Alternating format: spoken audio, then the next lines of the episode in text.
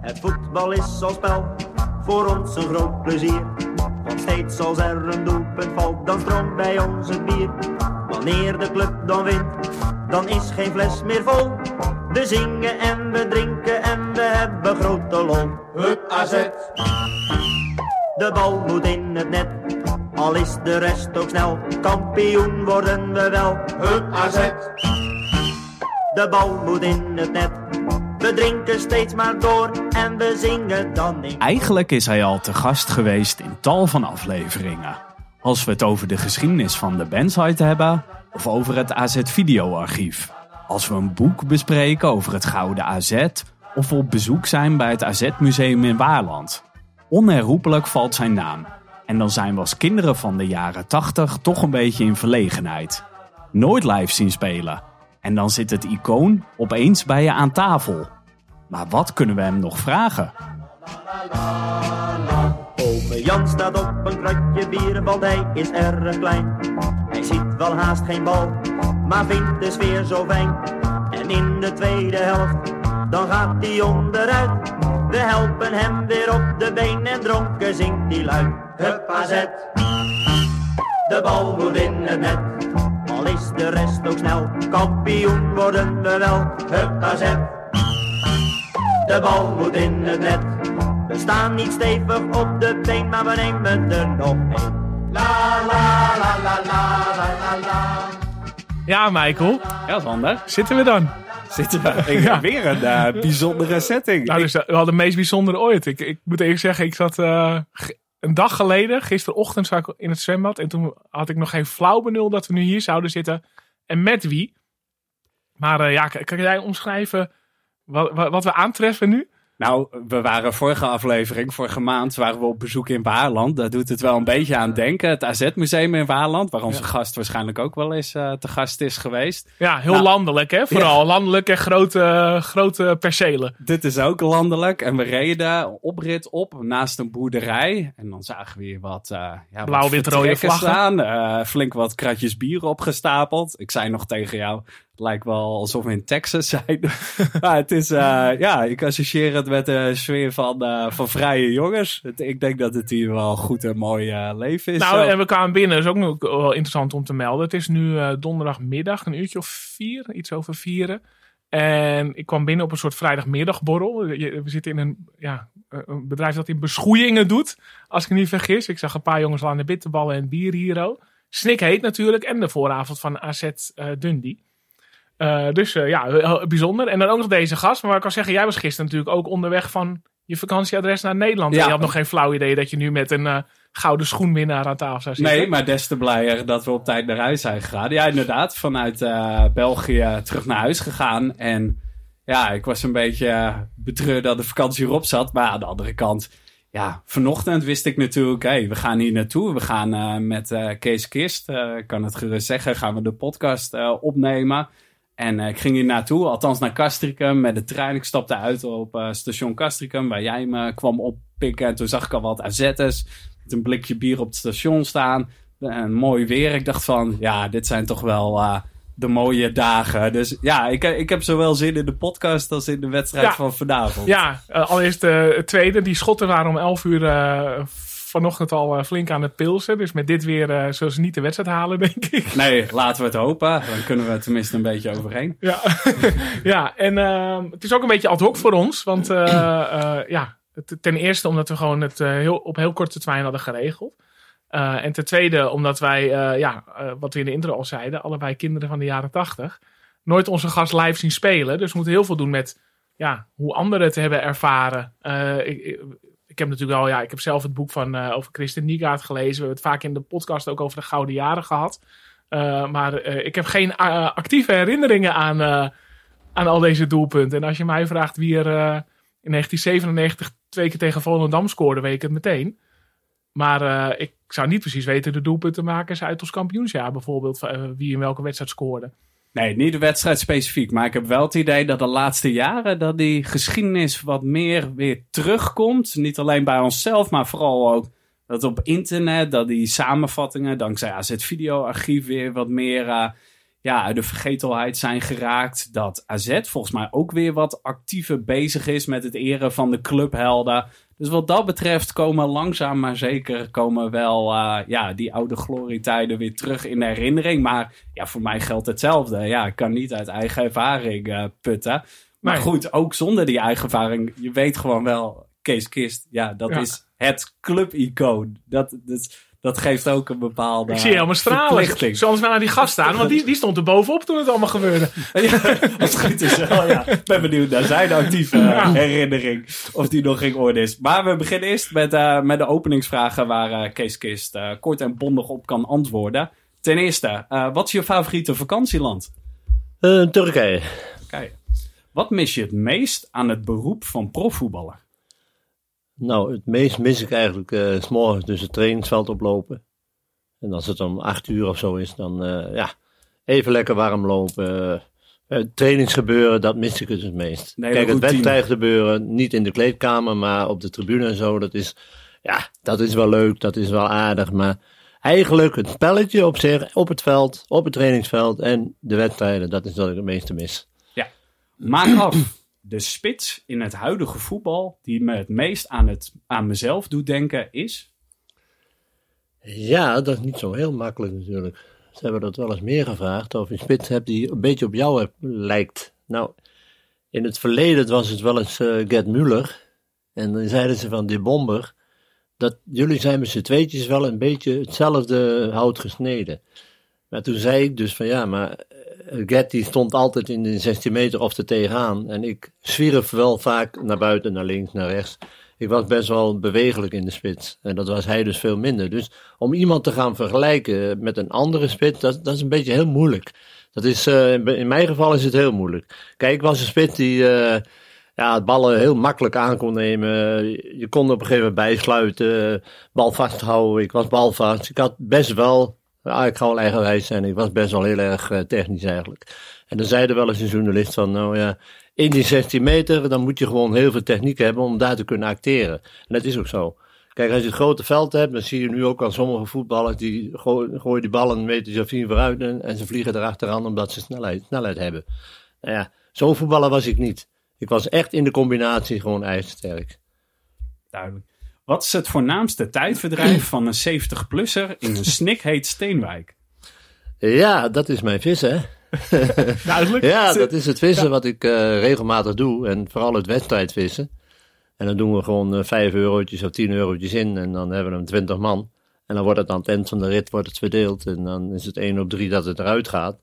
En dat is een bezigheid. Het is weer dat wedstrijd gebeuren. Het is weer de training voor het vissen, het, zelf gaan vissen, naar het water gaan. En ja, maar dat deed ik dus ook al. Als ik een dagje vrij was bij AZ, dan ging ik dus ook al op woensdag bijvoorbeeld. En dan, uh, dan ging ik ook vissen. En dan kwam ik donderdagsmorgens weer terug, als we geen Europa Cup hadden. En dan, uh, ja, dan pakte ik de boel weer op. Dat was voor mij een uitlaatklep om, ja, om een beetje te relaxen. Kijk, en je kan je voorstellen als je dus aan het water zit en je hebt de bootjes voor je, heel veel water. En dan, bij ons is veel water dan heb je echt het gevoel zo van, nou, hey, even, even weg, even kopje spoelen. En dan uh, kan ik donderdag weer aan de bak. Ja, misschien had het nog niet helemaal duidelijk uitgelegd. We hebben nu openingsvragen. We proberen altijd die heel kort te doen. Dus oh. vissen is voldoende. We zijn heel blij straks met uitgebreide antwoorden. Okay. Mand. Komt straks rustig terug. Nou, doen we er vijf minuten bij. Ja, ja. We willen nu op de volgende vraag dus gewoon een getal horen. Hoeveel goals per seizoen zou je maken als je in het AZ van nu zou spelen? Ik denk 30. Okay. 32. 32. Ja, Van welke speler of trainer heb je het meest geleerd? Uh, dat was uh, Jo Brandt en Hans Kraai senior. Van welke huidige speler van AZ geniet je het meest? Ja, van huidige speler. Ik, uh, ja, dat zijn wat jonge jongens. Ja, ik, daar moet ik even iets over uitweiden. Dat zijn de jongens die een beetje aan aankomen. Tatjana Reinders en zo. Daar geniet ik van. Ik zie die inzet en daar, ja, daar heb ik wel wat bij. Daar heb ik er wel mee. En, en, en als je dan kijkt zoals ze nu dan weer uh, ja, jongens aangetrokken hebben. Maar ik mag het verhaal weer niet te lang maken. Maar dan, dan die aangetrokken zijn, dan, nou, dan, dan moet ik zeggen complimenten voor Max Huibers. Wat is harder werken? Profvoetballer zijn of een sportzaak runnen? Nee, profvoetballers zijn dus veel harder werken. Kijk, als jij drie keer per dag traint en, en ja, in een sportzaak, nou ja, dan, dan kan je de halve winkel verkopen. Dan is het nog niet zo zwaar als, uh, als een paar weken met een profvoetballer meelopen. Ja. Tot slot, wat is het mooiste shirt waarin je hebt gespeeld? Nou, dat was het shirt waar, waar ze vroeger nog, of vroeger toen in mijn tijd, dus kist op hadden staan. Op de voorkant. De naam erop. Ja. Het is exact hetzelfde antwoord als de heren van het AZ Museum in Waarland hadden ja, gezegd. zou kunnen. Dat is het, waar de letters op genaaid waren. Ja. Of met een, met een, misschien wel met een naaimachine, maar dat was, ja, dat vond ik gewoon echt, uh, echt mooi. Ja, en heeft u die nog? Dat shirt nee, met kist die hangt erop? bij Waarland. Ja, ja, ja. Nee, dat klopt. Het verhaal is van de natuurlijk- jongens Ja, het andere shirt is het Nederlands elftal shirt. Nou ja, klopt. Dat is natuurlijk eh, ja, uniek. Ja. Oké, nou eh, ja, eh, welkom. Eh, Ja, ik, ik oké. wil bijna zeggen, stel u zelf maar voor. Dat vragen aan iedere gast. Dus in, in het kort. Ja, stel me voor, ik ben Kees Gift. ik ben 70 jaar geworden afgelopen vrijdag. Of nee, zondag, maar vrijdag was het gevierd. Ja. En ja, ik ben eh 12 jaar spits van AZ geweest. Ik heb drie bekers gewonnen. KNVB-bekers. Ik ben, wij zijn één keer kampioen van Nederland geweest. Ik ben ook bekerwinnaar in Frankrijk geweest. Ik heb bij Paris Saint-Germain gespeeld. En ja, kort gezegd gewoon eh, een prachtige carrière gehad. En eh, verliefd, geloofd, getrouwd, kinderen. Verliefd, verloofd, ik heb alles meegemaakt. Kinderen ook. kinderen niet. Nee, dat was wel jammer. Maar geen kinderen. Oké. Nou ja, en we zitten hier inderdaad, dat heb ik nog niet gezegd, eh, in dat beschoeiingsbedrijf. Dat is van je, ja, hoe zeg ik het, belangenbehartiger Nou, eh, voor een vriend. van vriend René vriend. Bos. Die volgens mij Van ook mijn het, vriend. en Fred- René is een hele grote vriend van mij. ja, die ook het feest heeft georganiseerd, Ja, toch? Eh, rond, eh, rond uw 70ste verjaardag. Eh, per helikopter arriveren en eh, dat soort dingen, ja. Eh, dus we zitten hier nu op, eh, op het kantoortje in dat, eh, in dat bedrijf. Ehm, en eh, eh, ja, het is wel bijzonder dat een, een ex-voetballer al iemand heeft die, eh, die een soort zaakwaarnemer of belangenbehartiger is. Ja, daar hangt ook nog een verhaaltje hangt daaraan. Want eh, kijk, René, eh, nu zijn we gewoon hele grote vrienden. En, maar het moment dat ik René ontmoette, dat is ongeveer 12 jaar geleden geweest. En toen ontmoette ik hem in een tuincentrum wat hij had in Heerenveen. En toen stond ik nog op de markt met, met schoenen, dameschoenen. En ja, toen kom ik daar beneden binnenlopen. En toen zegt hij, hij komt zo bij de koffiecorner weg. Hij zegt, eh, wat kom jij hier doen? Ja, wat is dat nou voor, nou, wat is dat nou weer voor een vraag? Wat kom jij hier doen? Ik zei, nou ja, ik, ik heb eh, dameschoenen. Ik, ik denk, nou, misschien kan ik wel even eh, een paar uurtjes hier op, bij jou op die markt gaan staan. Maar ik wist dus helemaal niet wie die was. ik zei, maar ja, een beetje een rare vraag. Hij zei, maar ja, ben jij dan de jockey die op de baan 7 gewoond heeft en Guardini net 24, 24 en eh, hij noemde zo alles waar ik overal gewoond waar had. Hij zei, dan moet jij nou eens even meekomen. Nou, ik dus mee naar zijn auto toe. Toen had hij zijn hele auto van zijn Mercedes achter vol liggen met alleen maar die knipsels van mij. Huh? Dat is toch raar? Dat was heel raar. Hij zei, ik ben zo'n fan van jou, dat wil je niet weten. Hij zei, en jij, jij bent die klootzak. Zei, toen begon hij. "En Jij bent die klootzak die mij iedere keer die ballen heeft laten ophalen. Als je ze over het vangnet heen schoot bij de hout. Oh ja. Nou ja, daar hadden ze een vangnet achter het trainingsveld. En daar kon hij overheen. En dan moest hij over een balletje lopen. Over het slootje heen. En dan ging hij die bal ophalen. Nou, en dan zei ik op een gegeven moment. Hé hey, jochie, eh, er ligt een bal daar aan de andere kant. Ja, ja meneer. Nou, dan ging hij dus balletje over. Heb ik een balletje haalde hij op en dan bracht hij hem terug. Zei, "Ja, alsjeblieft meneer. Ik zei, ja, maar er ligt er nog één. En dan kon hij weer die kant op. nou, dat was, hij zei, verdorie. Doet hij dat nu nog steeds eh, voor u of Hij niet? gaat, nee, ja, met de balletjes niet meer mee. Nee. Maar u bent hier wel welkom eh, zodra AZ thuis speelt, hè? Want nou ja, we zijn natuurlijk aan de vooravond van AZ Dundee. We zitten Ja. in Stompe Toren trouwens, heb ik nog eens erbij gezegd. Ja, oké. En eh, ja, ik, eh, ik heb het draaiboek even niet paraat. Maar Nou, normaal gesproken doen we natuurlijk altijd een biertje. We hadden net al gevraagd aan, eh, aan Kees Kist of je ook een biertje meedrinkt. Nou, hij moet vanavond simpelweg nog terug naar Steenwijk. Dus eh, het lijkt ons ook zo Berenburg, verstandig van Berenburg Cola, maken me wel blij mee, hoorde ik uit betrouwbare Ja, is ja, dat- maakt me wel blij Is mee, dat er afgelopen vrijdag nog een beetje doorheen gegaan? Ja, dat, eh, dat vind ik altijd wel heerlijk. Dat wel. Ja. ja, mij was ook de eer om een toepasselijk biertje te vinden voor, voor deze aflevering. Ja, Eh, ja. Nou ja, dat was eigenlijk een makkie dit keer. Kan er maar eentje zijn. Ik pak hem er Een, ondertussen ki- even een kistje bij. bier, of niet? Het kanon. Oh. De man van het ja, kanon. ja, ja, ja, ja. dat kan Kijk, het kanon. Maar goed, ik heb er maar eentje meegenomen. Want eh, dit is leuk. natuurlijk alcoholistenbier. Eh waar staat het alcoholpercentage? 11,6. Dus ik zal het jullie niet aandoen Die mag om jij, op te drinken. Nou, die, haakt, die haakt er wel in. toen dacht ik, ja, kan ik nog iets toepasselijks vinden? En toen dacht ik, ja, het is ook eigenlijk heel simpel. Een blond biertje voor, eh, voor de blonde spits eh, van. Ja, Dus ehm, blond. mede gebaseerd op, eh, Geweldig. op de vakantie. Je hebt eh, Cornet uit de, uit de Ardennen, blond biertje.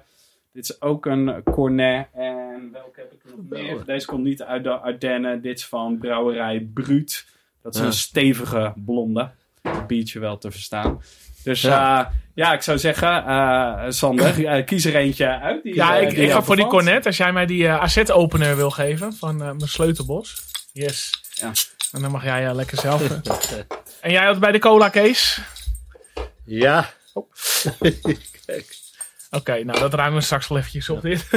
ja. Maar eh Michael, jij mag even het heft in handen nemen qua onderwerpen. Want eh, Ja, ik heb, ik heb geen beginnen. draaiboek voor mijn We hadden neus. het net al eh, benoemd, afgelopen vrijdag. Wij hebben eigenlijk via via vernomen van wat AZ-vrienden, nou ja, dat er wat was gebeurd eh, in het AZ-stadion. Ik heb ook wat foto's langs zien komen. Nou, het zag eruit als een gezellige bedoeling. Maar ik snapte het ook niet helemaal. Volgens mij, als ik het goed begreep, was het voor u ook een beetje een verrassing. Kunt u eh, beschrijven wat, wat er precies is gebeurd Nou ja, dat is een hele verrassing voor mij. eh, want ja, eigenlijk op het moment dat ik dus eh, een telefoontje kreeg dat ik dus naar mijn moeder moest. Kijk, René had het allemaal, die heeft het allemaal geregeld. Die heeft het allemaal in scène gezet, hoe je het ook allemaal bekijkt. Maar ik, ik wist dus nergens van. Ik wist wel dat ik jarig was. Hè, laten we eerlijk zijn. Ik wist ook dat het op het AZ-stadion was. Dat wist ik ook, maar dat was ook eigenlijk het enige. Ik moest alleen nog wat even adressen doorgeven voor de mensen die dus in Steenwijk bij elkaar zouden moeten komen en wel op. Nou, dus toen zou op het laatste moment hebben ze gezegd, nou, er komt een bus in Steenwijk en die komt daar en daar te staan en daar ga een stapje in. Nou, dus ik denk, nou, dat was half vier ongeveer, half vier, kwart voor vier. Maar het werd drie uur. Ik denk, dit weet ik niet. En toen op een gegeven moment kreeg ik telefoon dat ik moest naar mijn moeder toe. Nou, daar begreep ik dus al niks van. Ik denk, ja, naar mijn moeder toe, wat moet ik daar nou doen dan met mijn moeder? Maar mijn moeder moet ook eigenlijk met die bus mee. Dus, en mijn zwager en mijn zuster, die waren bij mijn moeder. Toen dacht ik, nou, ik, René, eh, René is, heel, ah, die, is heel, dan heel wazig, want die vertelt niks, zegt niks. En zegt gewoon van niet te veel vragen stellen, jongen. Ga nou maar lekker niet te veel vragen stellen. Nou, maar toen dacht ik, denk, ja, maar dit klopt niet. Dit kan niet. Want die bus was weggegaan en ik, ja, je moet dan met de bus mee. Want dan gaan mij natuurlijk appen van, ja, je kan met de bus mee. En op een gegeven moment staat er een taxi voor. En wij met z'n drieën in die taxi. En met z'n vieren in die taxi. En naar Paaslo. Ja, wat moet ik al Paaslo doen? Ik weet dat die- klinkt dat- alsof, eh, alsof je niet van verrassing houdt, of wel? nou, inderdaad. nee, maar ik, ik, ik ben iemand die graag het grip heeft en die graag dezelfde de touwtjes in handen heeft. En ik had dus geen touwtjes meer, helemaal niks. en eh, op een gegeven moment, dus wij in die taxi, en we komen bij Paaslo en er zit er eh, zo'n hele grote cirkel op zo'n weiland waar hij zijn huisje heeft. En daar stond een helikopter. Ik denk, dit kan niet waar zijn. Ik denk, dit, dit, dit, dit kan niet. Nou ja, en eh, er stond een heleboel volk omheen. Want ja, een helikopter, dat is natuurlijk wel een beetje bezienswaardig. En op een gegeven moment, eh, nou, die piloot die komt eruit. En, nou ja, De grootste verrassing was dat eh, de, piloot was Peter Vindaal. Dus, eh, ja, sorry, ga door. ja. nee, maar in ieder geval, eh, dus toen eh, nam mijn, mijn zwager en mijn zus, die nam mijn moeder mee. En die duwde ze gelijk in die dingen. Maar de mensen wordt 25 augustus, wordt die dus 89. dat, is, dat is natuurlijk niet niks. Nee. Dus op een gegeven moment, toen dus ik in dat ding. En nee, nou ja, dan moet het maar gebeuren. En ik moet eerlijk zeggen, ik heb een, een wereldvlucht gehad. Het was, het was zo geweldig, want... Kijk, je kan met zo'n zo'n ding kan je ook la- laag, kan je laag vliegen. Je kan, je kan eigenlijk de konijn op de grond zien zitten. En, maar je kan ook het AZ-stadion. Ja, ik heb een paar extra Ja, dat is een mooie aankomst ja, een paar extra rondjes laten vliegen. Ik zeg, eh, even, nog even naar beneden. Even kijken. En dan zie je het zo helemaal van boven weer. Ah, dat is zo mooi. En dan zie je die mensen aan de kant staan met die fakkels. En, en, en dan ligt er weer, weer van die, eh, die jongens die dan die, eh, die grote vlaggen maken, die doeken. Dan zie je zo'n groot doek van mij op de grond liggen. Ja, op de dat- tribune hebben we die gezien tijdens AZ Feyenoord. Juist. Afgelopen seizoen. En die Ja. waren ze dus daar van de, op de grond liggen. Dus ik kon het zo zien. En ja, daar heb ik ook wel foto's van. Wat leuk. Hoe, eh, Zo mooi, hè? Even even tussendoor hoor, want Ja. eh, eh, hoe vond u dat toen? Toen met AZ Feyenoord. Dat, dat, dat, zijn natuurlijk allemaal jongens van, nou die zijn nog eh, twintig jaar jonger dan ons. Zo En, geweldig, hè? Die hadden echt een mooie eerbetoon dat- gemaakt. Ja, hè? dat is echt zo leuk. En eh, inmiddels ja, zijn die jongens natuurlijk toch, eh, worden toch overal een beetje bij betrokken. Dus ze waren ook op het feest. ja, ik zag het En, staan. eh, ja. ja. Ja. Ja, dat is gewoon petje af. En als je dan kijkt hoeveel uren deze mensen in, die in zulke vlaggen hebben zitten, dat is verschrikkelijk. En, dat leek ook nog goed. Ja, Het, roept, leek, ook, eh, het leek ook nog goed. Ja, geen nee. tekst onder, dit is Ja. Kist. Want, eh, En toen hadden ze mij ook nog, daarna hebben ze mij een heel mooie foto ervan gegeven, van, dat, van die doeken. Oh ja. Ja. Dat, is, dat is gewoon top. Ja. Dat is gewoon zo mooi. En toen eh, het feest, u werd eh, ja, eh, nogal hartelijk ontvangen bij Ja. het AZ-stadion. Ja, ja. Kijk, als je de helikopter zo gaat landen. en je ziet dan je grote vriend eh Christen Niga staan. vanuit de helikopter. ja, dan is het koude rillingen. Dan is het ook traantjes wegpikken. Want dat, dat, ja, dat is zo uniek. En kijk, en wij gaan ieder jaar ook met René. Ga ik, met z'n tweeën gaan we dus naar zijn verjaardag toe in september. En dat doen we ieder jaar al. En altijd als we dan daar zijn, dan zijn we er maar drie dagen hoor. Veel te kort. Maar er zijn drie dagen daar. Ja, dan is Chris helemaal in alle staten. Dan, dan hebben we het zo leuk en zo gezellig. Een beetje wat eten. En, ja, wij zijn gewoon vrienden voor het leven. Ze zeggen wel eens, ja, vrienden dit, vrienden dat. Nou, wij zijn vrienden voor het leven. En dan staat hij daar beneden. En dan ga je de helikopter uit. Ja, en dan is het even traantjes wegpikken. Ja, maar het is ook Ja, bijzonder. Hij is natuurlijk niet vaak in Nederland. hij was nooit. er al tijdens AZ Feyenoord volgens mij. Ja, tijdens ja, toen dat was hij eerbetoon. En Ja. nu weer. Ja, Ja, helemaal vanuit Frankrijk. Dus eh, speciaal voor uw verjaardag. Ja. En eh, wa- waar Mooi, hebben jullie het dan zo al over? ja dan, dan, dan wordt het weer van, nou, eh, dan gaat het weer over de tijd van dat hij de basis gaf. Nou, ik gaf toch die bal, dit, en u hoeft hem toch alleen maar in te tikken. Ik zeg, kijk, Chris, dat is hem. Ik moet er alleen maar tegenaan te lopen. En dat is gewoon, ja, en dit en dat. Maar ja, wij trainden ook veel, hè. Wij trainden veel, dus buiten de, onze trainingen om, waren we heel veel op het veld. Om bepaalde dingen uit te proberen. De ingooi bijvoorbeeld, dat was ook zoiets. We hadden die in, ingooi, die hadden we gewoon ingestudeerd. En dat was altijd zo leuk. En dan keken we elkaar aan en dan begonnen we te lachen. Dat was helemaal geweldig. Op eredivisieniveau begonnen we te lachen. Ongelooflijk. Want dan liep ik dus de hoek in. En dan draaide ik ineens af. En dan gooide hij de bal aan de binnenkant precies voor mijn rechterbeen. Nou, we hebben daar wel foto's en ook wel goals mee gemaakt. Ja, dat is ook wel wat in dat. Ik heb een Ja. paar jaar geleden die biografie van eh Niegaard gelezen. En daar dat- komt, ja. dat, dat staat heel erg bij. Dat, dat, dat die, eh, ja, die synergie tussen jullie, dat, dat, dat kwam- die kwam heel eh, erg naar voren toen. En dat kwam eigenlijk alleen maar doordat eh, ik zat in de kost bij mevrouw Hottentot, en meneer Hottentot, in Bergen. Hadden ze mij in de kost geduwd, afgeduwd, maar in de kost gezet. En ja, nou ja, daar moest ik maar even. Maar ik was daar wel alleen op dat moment, dus hadden ze wel heel goed gezien. Toen kwam Christen Niga, die kwam over uit Denemarken. En die zetten ze ook bij mij in de kost. Dus ook bij Hottentot. Toen waren Ja. we met z'n tweeën. Ah, toen was het een wereldtijd. Want dan Dat, ga je dat met is het tweeën. geheim dus. Gewoon Ja, twee spelers in hetzelfde gasgezin Ja, zetten. Ja, dat is het geheim. Want dan gaan ze met elkaar samen optrekken. Ze gaan naar de training toe. Ze gaan andere dingen, midget golven, golven. Ze gaan alles doen. En dat doe je dan samen. Ja. Nou, vind je het dan gek dat het in het veld op een gegeven moment ook een lijn ligt? Dat is niet zo, niet zo verwonderlijk. Hè? Ja, en toch kan je dat weer niet afdwingen, denk ik zo. Moet toch iets zijn qua persoonlijkheid, Dat waardoor. Het is niet zo van... een soort vonk ontstaat. dan zouden ze dat nu ook doen bijvoorbeeld. Maar dat, dat is niet zo. Ja. Het is altijd, ik heb altijd een band met Chris gehad, omdat ja, hij heeft zoveel voetbalvermogen had hij. Veel voetbalvermogen. En een bal op een stropdas leggen, met gevoel, wat wij, zoals wij dat dan noemen. Een dragende bal. Een bal die je gewoon eigenlijk, als hij aankomt bij jou, dat je hem alle kanten. Je kan hem koppen, je kan hem schoppen, je, je kan er gewoon de hoek uitkiezen. Dat zijn de ballen die Christen in zijn voet had zitten. En dat, dat, nou, dat heb ik heel weinig meegemaakt. We refereerden net al naar een type Kees Kist. Is er ook nog een type Niegaard nu te vinden bij AZ? Of überhaupt eh, op de velden? Ja, ja, een type Niegaard, ja. Ja, nou, ik zou hem niet kunnen vinden eigenlijk.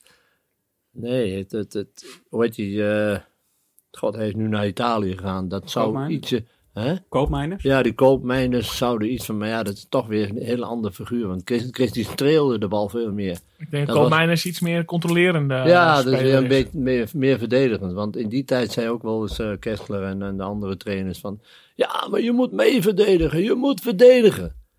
En dan zei Chris gewoon heel simpel van... eh, maar de aanval is toch de beste verdediging? Of zie ik dat verkeerd? Dan heb je weer een punt, hè? Ja. Want dat is ook de beste verdediging. Zoals Willem altijd zei van... Je hoeft niet eh, snel te zijn als je maar eerder start. nou, dat zijn van die dingen... En dat heb ik met Johan Cruijff op een gegeven moment ook gehad. Dat hij mij dingen aangaf. Dat ik dacht van, kijk, daar heb ik wat aan. Dat zijn details en daar heb ik wat aan. Dan ben je topscorer van Europa. En dan zegt Hanegem zegt tegen je van bijvoorbeeld van... En toch doe je het niet goed. Nou, dan kan ik hem... Ik ben vrij fanatiek wat dat betreft. Dan kan ik hem wel een knal voor zijn kop geven. Toen zei hij, nou, kom maar, kom maar. We gaan naar buiten. Wat, wat zeg het maar. En dan legt hij het uit. Ja. Nou, en als hij het dan uitlegt, dan denk ik, verdomme, Heb nog gelijk ook, die Ja. kromme lul. zei ik dan. en dan gelijk ook. En dan denk ik, ja, want ik stond dus dan altijd met de rug naar de goal toe. Meestal omdat ze met de bal aan konden spelen. Dan draaide ik en dan schoot ik op goal. Heel simpel. Als je, als je nou eens half gaat staan, zo half met de, naar de goal, bij een honderd van een seconde sneller. Godverdomme.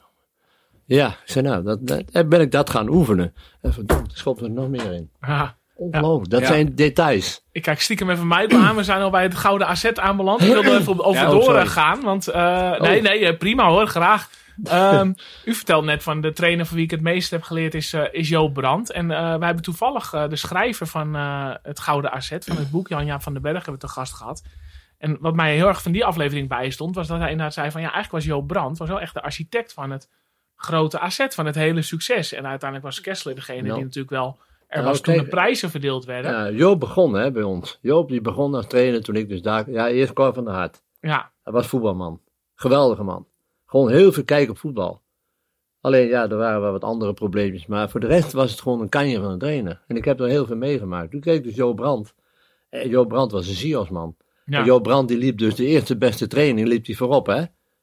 Want hij wilde dus niet afgaan. Dus en dan, nou wij hadden toch wel wat conditieverlies natuurlijk. Maar hij trainde gewoon door. En dan om alleen maar voor op die groep te lopen. Ja, dat waren dingen dat ik denk van ja, allee. Toen heeft Chris nog een keer eh, een, eh, een trainingskamp georganiseerd in Aarhus. En dat vond ik wel heel leuk. Dat ga ik toch ook vertellen. En op een gegeven moment dan, eh, ja, dan met een bikkel, bikkelhard aan het trainen en aan het trainen en aan het trainen. Nou, en had hij s'avonds, had hij dan, we waren helemaal, de pijp was helemaal uit. We hadden helemaal leeg. Nou, dan hadden we gegeten en dan zeiden ja, hij zei, we gaan nu even een basketbaltoernooi doen. Nou ja, als je dan ergens op zit te wachten, niet op een basketbaltoernooi, maar wel op een bed wat eh, gespreid ligt. Hè, ik bedoel, waar je kan gaan slapen. Ja. Nou, toen ging je naar basketballen, maar dat ging dus tot half twaalf, twaalf uur. Met andere woorden, dan kunnen ze ook niet weg. Oh, Hè, dan, nou, dan zijn ze wel zo moe. ja, ja. Maar ja, Chris woonde toen, voor die tijd in Aarhus. En eh, ja, die wist de weg. Dus toen zeiden we, nou, dan gaan we toch even de stad in. Of het dorpje in. Maar dat mocht niet. Maar goed, oké. Chris, Chris zei, nou, ik weet wel, dan gaan we daarin. Een taxi gebeld, blablabla. Mannetje vier eh, mee. Naar, naar eh, dat café toe. Hij zei, dan gaan we daar naartoe, daar niks aan de hand. Wat denk jij? Dan komen ze binnen. Dan kom ik Worden, dus worden binnen. ondertussen eh, worden hier eh worden bitterbal met en frikandellen. neergezet? Oh, dat- of, dat is eh, goed. heerlijk. Dat is wel goed. Ja, bedankt. Dankjewel. Dat doen ze wel goed. Ja, Dat- Maar goed, dan kom je dus binnen in zo'n eh, nou, hele donkere kroeg. Man, met die kleine pitjes van lampen. ja. En dan kom je er met z'n vieren, vijven binnen. En wie zit er dan daar aan de bar? Jo Brandt. eh, van Doornenveld. En eh, noem maar op, de, de begeleiding. En toen zei ik dus, zei, wat is dit? Ah, ga erbij zitten. Kijk, kijk, en dan, nou, dat zijn de, gewoon de geweldige dingen.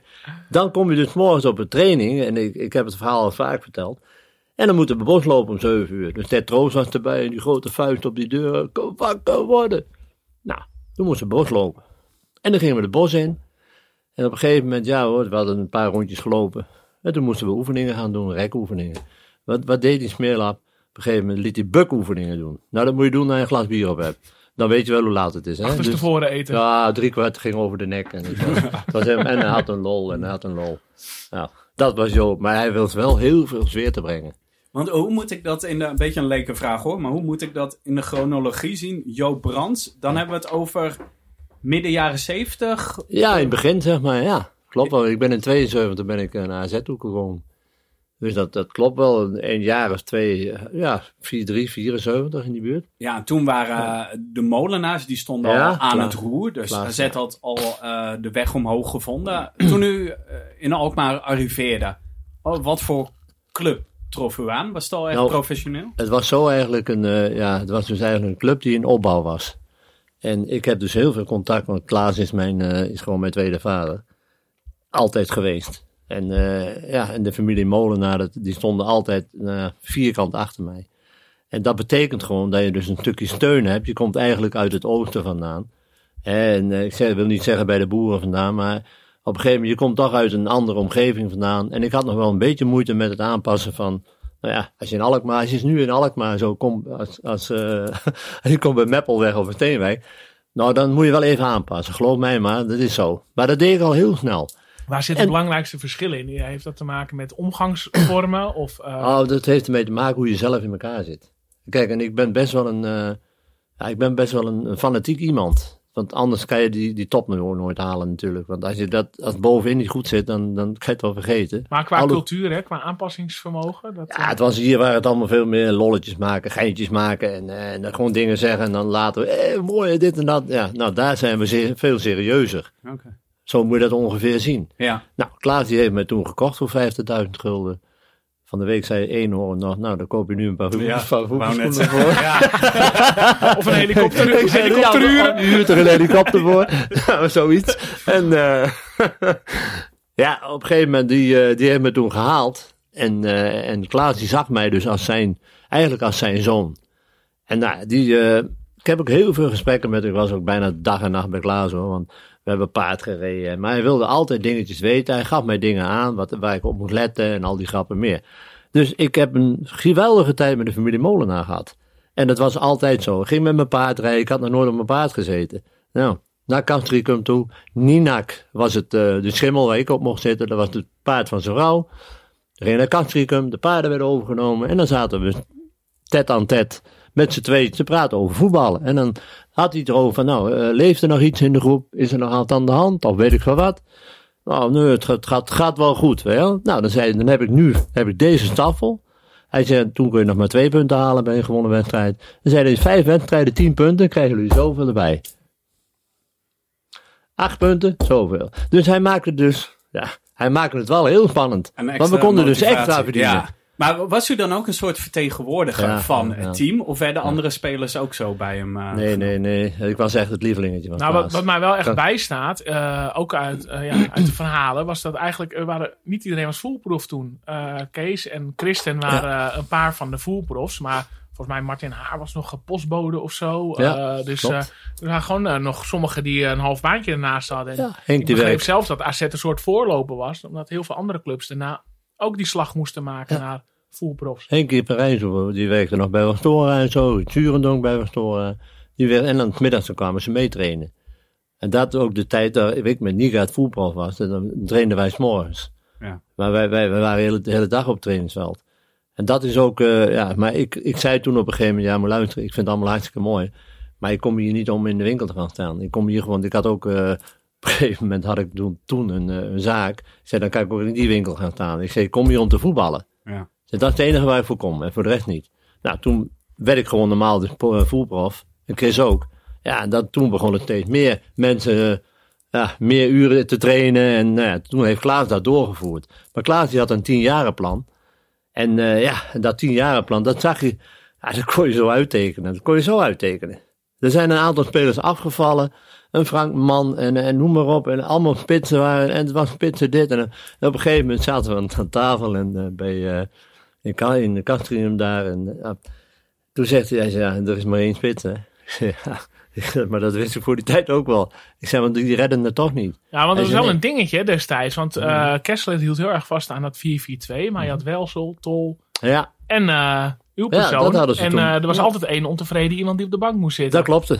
En Kessler die vond het ook op een gegeven moment nodig om, om dan te wisselen, zeg maar. Om het, nou ja, je moet mij nooit in een wissel zetten, want daar ben ik niet geschikt voor. hoe eh uitte u dat dan? Ging u dan eh, echt een gesprek Nou, nee. aan? Of gewoon eh, als een ik heb, oorworm eh, op de bank zitten? Nee, nee, zie je mij als een oorworm zitten? Nee, ik, ik ben echt wakker. Het was zo op een gegeven moment dat Kees Jantma, die zat toen bij VI. En die zei, ik wil een verhaal met jou maken. Ik zei, ja, dat snap ik wel. Want die had in de gaten dat ik ontevreden was. En toen zei hij, hij zegt, ja, nee, maar ik maak een verhaal met je, een mooi verhaal. En mag je zelf lezen en op. Ik zei, nou, ik zei, Kees, het is niet het moment om nu een verhaal te gaan maken. Ik zei, want dan is het net een bom die explodeert. Hij zei, ja, en daarom is het zo leuk om nu een verhaal te maken. Dus het was echt een beetje op dingetjes uit. Nou, Ja. toen heb ik op een gegeven moment na twee weken gezegd, nou, ik zei, kom maar. Ik zei, dan, eh, ik zei, maar ik wil het wel lezen en alles. Nou ja. Toen stond daarin, op de voorkant, stond dus een foto met Kessler voorop en ik daarachter. Hele, ik heb ze nog wel hoor, die dingen. Hele aparte foto. En toen stond daarboven, alleen zijn uitstraling, die irriteert mij al.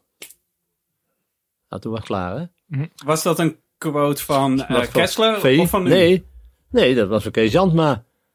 verzonnen. Maar ge- door mij gezegd, ja, oké. ja. omdat ik een, een klootzak vond. ja. Ja, dat is nog een heel verhaal. Dus op een gegeven moment, toen kom ik dus op trainen. De dag daarna, en die VI die was net uit. Nou, en hij had de VI al in zijn handen. Hij zei, kijk. Hij zegt, eh, omdraaien, naar huis. Maar ik kwam net een steenrijk. En eh, eh, even, is dit, was het bijvoorbeeld in 80 of 82 of eerder al? Nee, we werden kampioen 80-81, dus dat is daarvoor geweest. Het was ervoor nog. Dat was ja, daarvoor, ja. ja. Oké. Ja, want toen begon het daarna, toen hij mij op de rit kreeg, toen Ja. begon het. Ja, en hou de tafel heel, hè, Kees? Want Ja, eh, ik- of Michael heel moet het allemaal uitknippen, maar eh, Nou. je wordt steeds enthousiaster, eh, merk ik. Ja, maar- Je, je, hebt, het- je, hebt, je hebt het ook over mijn leven, hè? Ja. ja, nou, dus op een gegeven moment toen eh, moest ik naar huis toe. Dus ik bel gelijk Klaas op. Ik zeg, eh, zeg Klaas, zo en zo. Hij zei, ja, ik heb het al gehoord.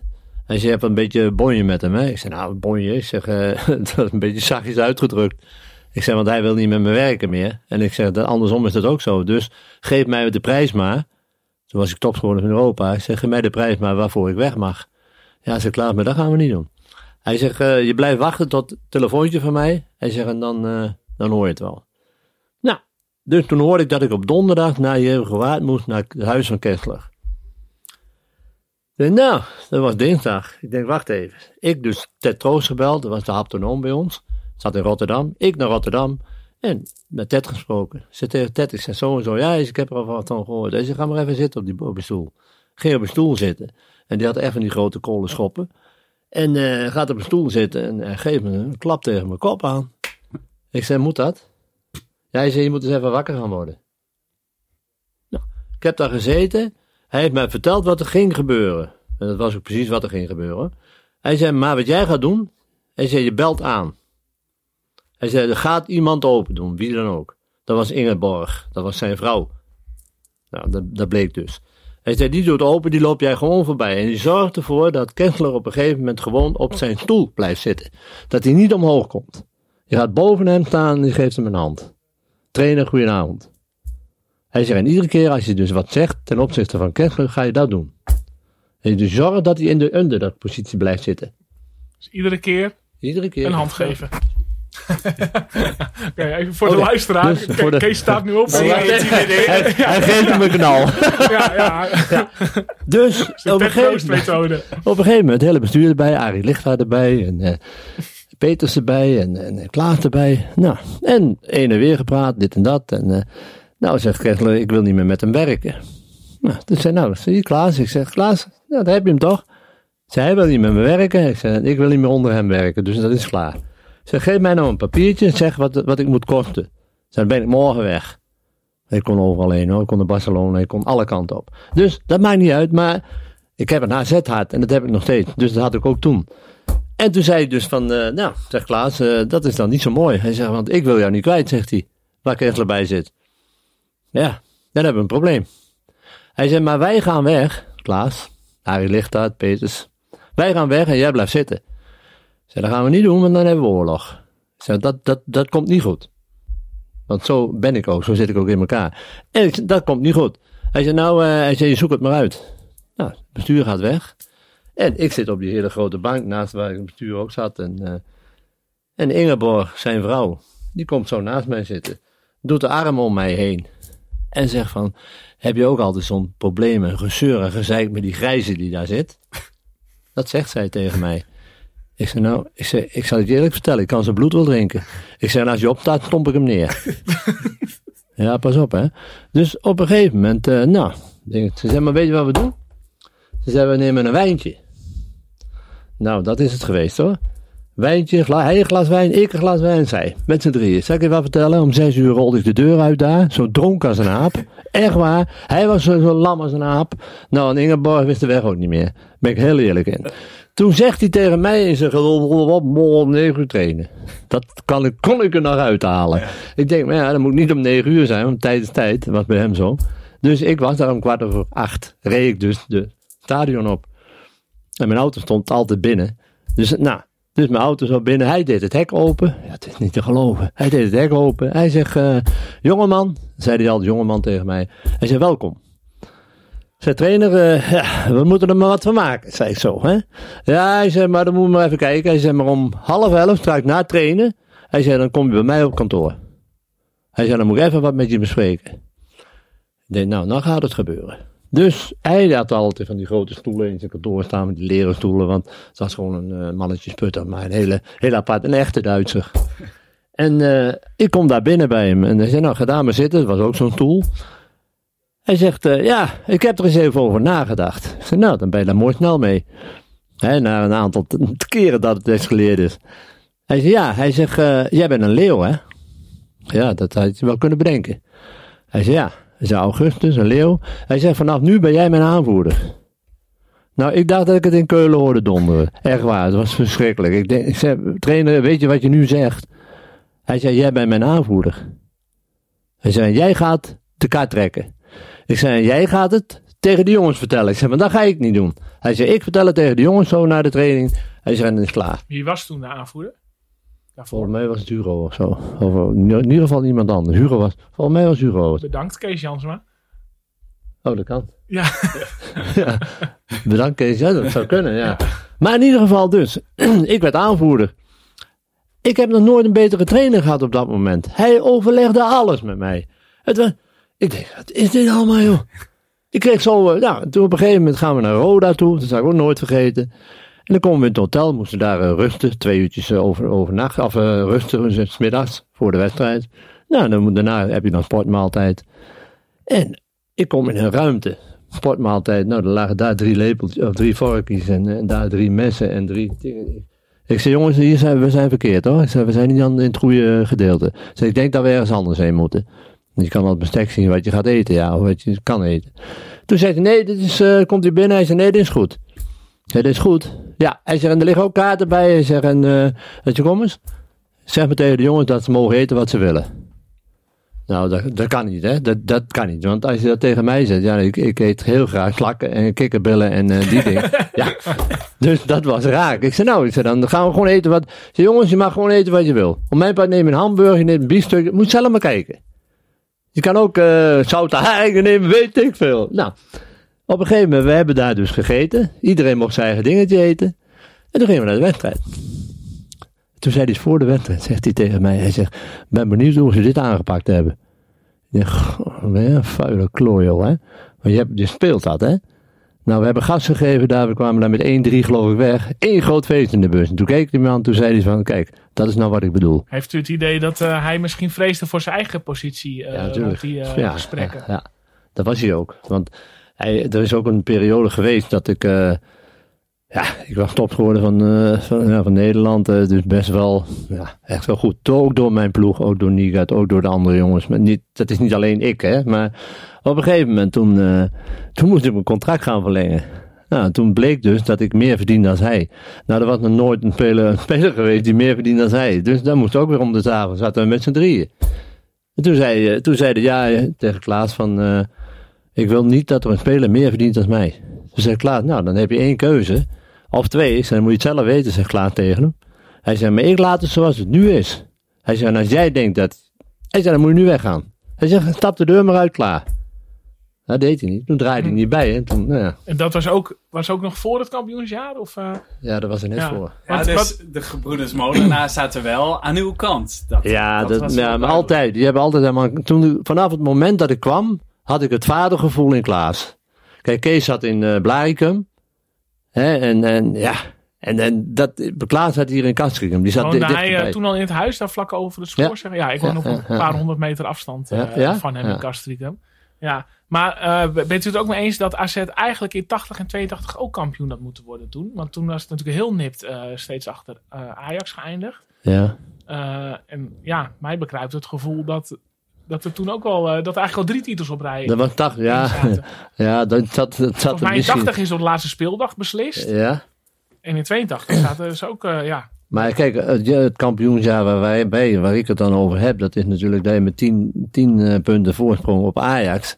Nou, dat is natuurlijk niet niks. Dat is een overmacht. Kijk, bij Feyenoord winnen met 1-5 of zo. Ja, dat is niet niks, hè. Dat is, dan ben je gewoon beter op alle posities. En dat was ook zo. Iedere speler, als je die tegen elkaar zet en bij elkaar zet, dan waren wij beter als degene die tegenover je stond. Alleen, het heeft te maken met de vorm van de dag en, en, en een beetje mazzel. En, en nou ja, daar heb je mee te maken. Maar voor de rest waren wij gewoon oppermachtig. Ja. En we zeiden ook altijd van, nou jongen, we spelen ze eerst eens even, de eerste drie kwartier gaan we ze helemaal totaal spelen. Maar de, En dan gaan we de eroverheen. seizoenen daarvoor en daarna wonnen we eigenlijk ook heel veel van Ajax en PSV. Ja. En, eh, Ja, toen- eh, eh, ja, baalt u daar niet van dat er toen geen titel eh in Ja, dat was een, wat zat in het proces, denk ik. Want dan, toen werden, we werden steeds beter. En, en op een gegeven moment, Klaas, die, ja, Klaas Kees ook, maar die mannen die hadden zoveel verstand van voetballen.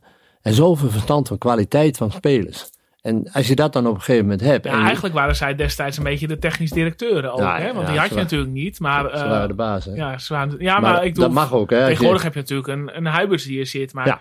Zij, Ja. zij schafte echt Van Hanegem aan zonder inspraak van de trainer. Ja, natuurlijk. Maar ja, kijk, als je in die tijd een AZ overneemt, hè, voor best wel heel veel geld, en je gaat dan zo'n club, eh, ga je dus in, investeren, nou, dan vind ik ook dat je ook wel eh, iets mag vertellen.